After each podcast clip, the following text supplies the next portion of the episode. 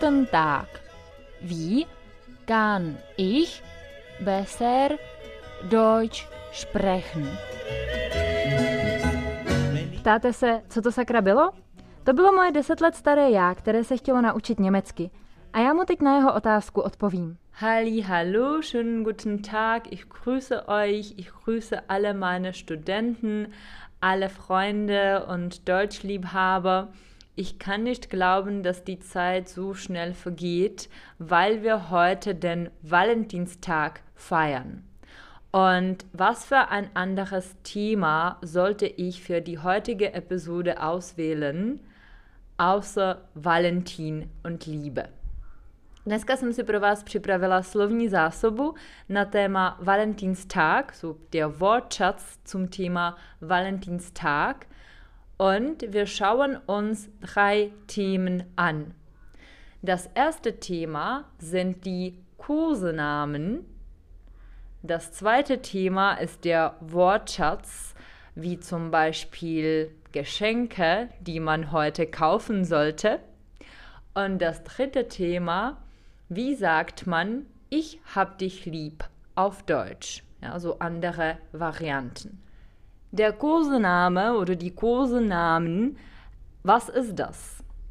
Es ist Name, der eine liebevolle, vertrauliche Beziehung zu jemandem ausdrücken soll.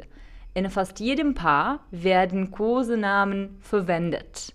In der tschechischen Sprache geht es zum Beispiel um das Wort Miláčku, Lásko, Myšičko, Broučku und so weiter. Welcher nutzen die Deutschen? Du bist mein Schatz oder Schatzi oder Schätzchen.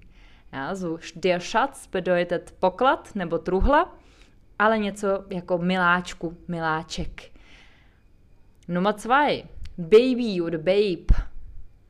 Hase, Hasi. Ja, so, was ist los, Hasi? Du bist mein Hasi. Oder Engel.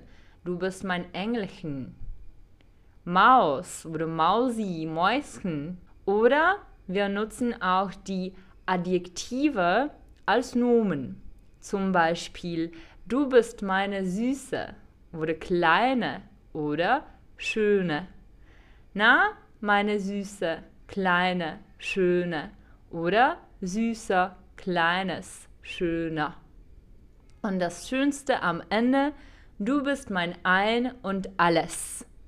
Ja, so du bist mein Ein und alles. Sehr schön. Ja, und der Wortschatz, was macht man am Valentinstag? So, es ist der Valentinstag, der Tag, so der Valentinstag. Und was kannst du deinem Partner schenken? Natürlich die Blumen oder einen Ring oder einen Liebesbrief oder ein Teddybär oder die Luftballons, natürlich auch die Süßigkeiten und Schokoladen. Ja, also das waren die Geschenke, die Blumen oder der Ring, der Liebesbrief, das Teddybär die Luftballons oder die Süßigkeiten und Schokoladen.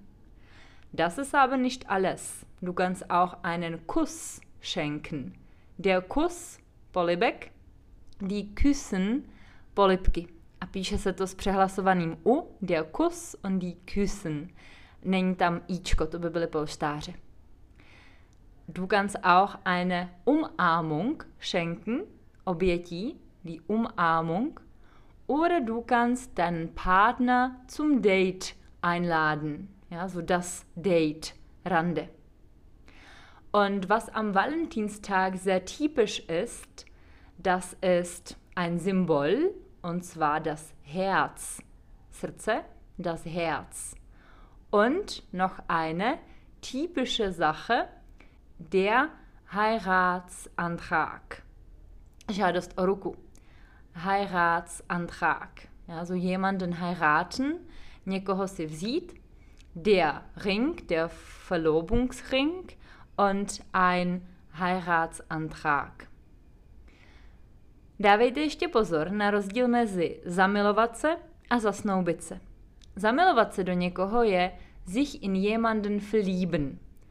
Verlieben. Die Liebe, láska a sich verlieben. A jsem zamilovaná, ich bin verliebt. Ich bin total verliebt. Zatímco když změníte jedno písmenko z ička na o, tak je to zasnoubit se. Sich verloben. Ja, so ich bin schon verlobt. Jsem zasnoubená. So sich verloben mit o, zasnoubit se. Okay, so das war der Wortschatz zum Thema der Valentinstag. Ich hoffe, dass du ein von diesen Wörtern heute ausnutzt. Tak a poslední téma, das Thema Nummer 3. Jak někomu říct, že ho mám rád v Němčině? Tak taková úplná klasika, ich liebe dich, to asi znají všichni, ich liebe dich, anebo trošku mírnější, ich hab dich lieb. Mám tě rád, ich hab dich lieb. Ich liebe dich, miluju tě.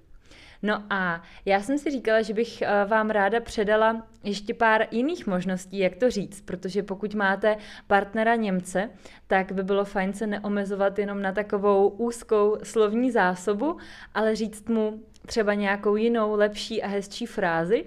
Takže jsem trošku googlila a hledala, jakými všemožnými způsoby se dá říct, že někoho milujete. A těch pár nejhezčích, který mě zaujaly, jsem vybrala a mrkneme na ně společně. Najdete je i v popisku podcastu, abyste se mohli podívat, jak se to píše.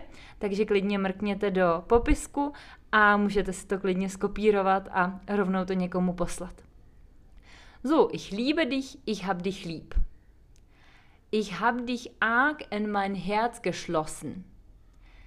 Ja, so ich hab dich arg in mein Herz geschlossen bedeutet, du bist in meinem Herzen. něco jako mám tě uzamčeného ve svém srdci. Ja, so du bist oder ich habe dich arg in mein Herz geschlossen. Du bist in meinem Herzen. Oder ich himmle dich an. Ich himmle dich an je něco jako zbožňuju tě. Asi víte, že der Himmel je nebe, nebesa, obloha. A ich himmle dich an znamená jako zbožňuju tě asi až do nebes. ich bin dir sehr zugetan. Zugetan znamená něco jako oddaný. So, ich bin dir sehr zugetan, jsem ti velmi oddaný. Ich bin dir sehr zugetan. Ich vergütere dich. Der Gott, Buch, a ich vergütere dich, zbožňuju tě. Krá- další je moc krásný. Ich habe eine Schwäche für dich. Also Schwächen, slabosti, Stärken, silné stránky. Also ich habe eine Schwäche für dich. Mám pro tebe slabost. To je taková krásná věta. Ještě mám dvě. Ich schwärme für dich. Ich schwärme für dich. Doslova jako Blouzním z tebe, jsem z tebe úplný blázen. Ich schwärme für dich. A poslední, hodně podobný význam, ich fahre auf dich ab. Jsem do tebe blázen. Ich fahre auf dich ab. Also das Verb abfahren, ich fahre auf dich ab.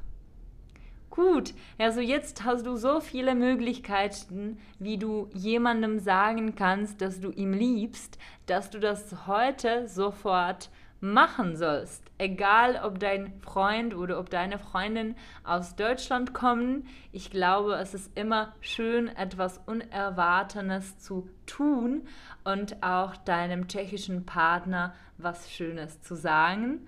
Und später kannst du das für ihn oder für sie natürlich auch übersetzen. So, jetzt kurz nur auf Čechiš. Já vám přeju krásný uh, den svatého Valentína, ať už to slavíte nebo ne.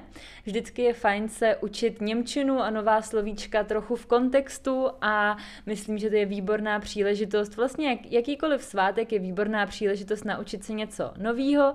Takže dneska jsme se naučili pár, uh, já vlastně ani nevím, jak se to řekne česky, kůznám, uh, zdrobnělinek, hezkých, láskyplných men, názvu, zkrátka jak oslovovat svého partnera v Němčině, když mu nechcete říkat jménem. Naučili jsme se pár nových slovíček, která najdete taky v popisku podcastu. Za prvé dárky, za druhé, jak se řekne polipka, polipka, polibek nebo obětí a jaký je rozdíl mezi zamilovat se a zasnoubit se.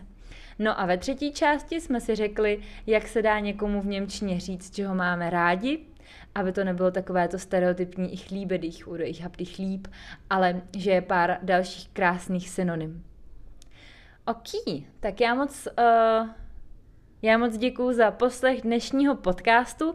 Doufám, že mě kromě na podcastu skledujete i třeba na Instagramu nebo na Facebooku. Včera jste na Instagramu mohli vidět livestream o Sri Lance, takže pokud vás zajímá cestování, tak se mrkněte na záznam u mě na profilu. No a klidně mi dejte vědět, o čem byste chtěli podcast poslouchat příště. Já pro vás aktuálně plánuju dva rozhovory. V příštím podcastu bude mým hostem eh, Helča, která bude povídat o studiu v Německu a o tom, co je potřeba pro to udělat. No a pak bych se moc ráda pozvala jednu lékařku, která pracuje v Německu v nemocnici a popovídáme si o té její cestě, jaké to bylo sehnat v Německu práci a co pro to musela udělat. Já myslím, že eh, tyhle rozhovory by pro vás mohly být hodně inspirativní, nejenom, že si poslechnete Němčinu, ale třeba se dozvíte něco zajímavého, bude to taková ukázka nějaké, nějakých možností, eh, co se vlastně s Němčinou dá dělat a jak se ta Němčina dá využít v běžném životě, takže určitě Seid äh, entspannt und wir hören uns zum nächsten Mal. Tschüss. Freust du dich schon auf nächste Episode? Abonniere meinen Podcast, folge meiner Webseite oder Facebook und hinterlasse eine schöne Bewertung. Hättest du vielleicht ein paar Tipps, was du zum nächsten Mal hören willst? Schreib mir in den Kommentaren.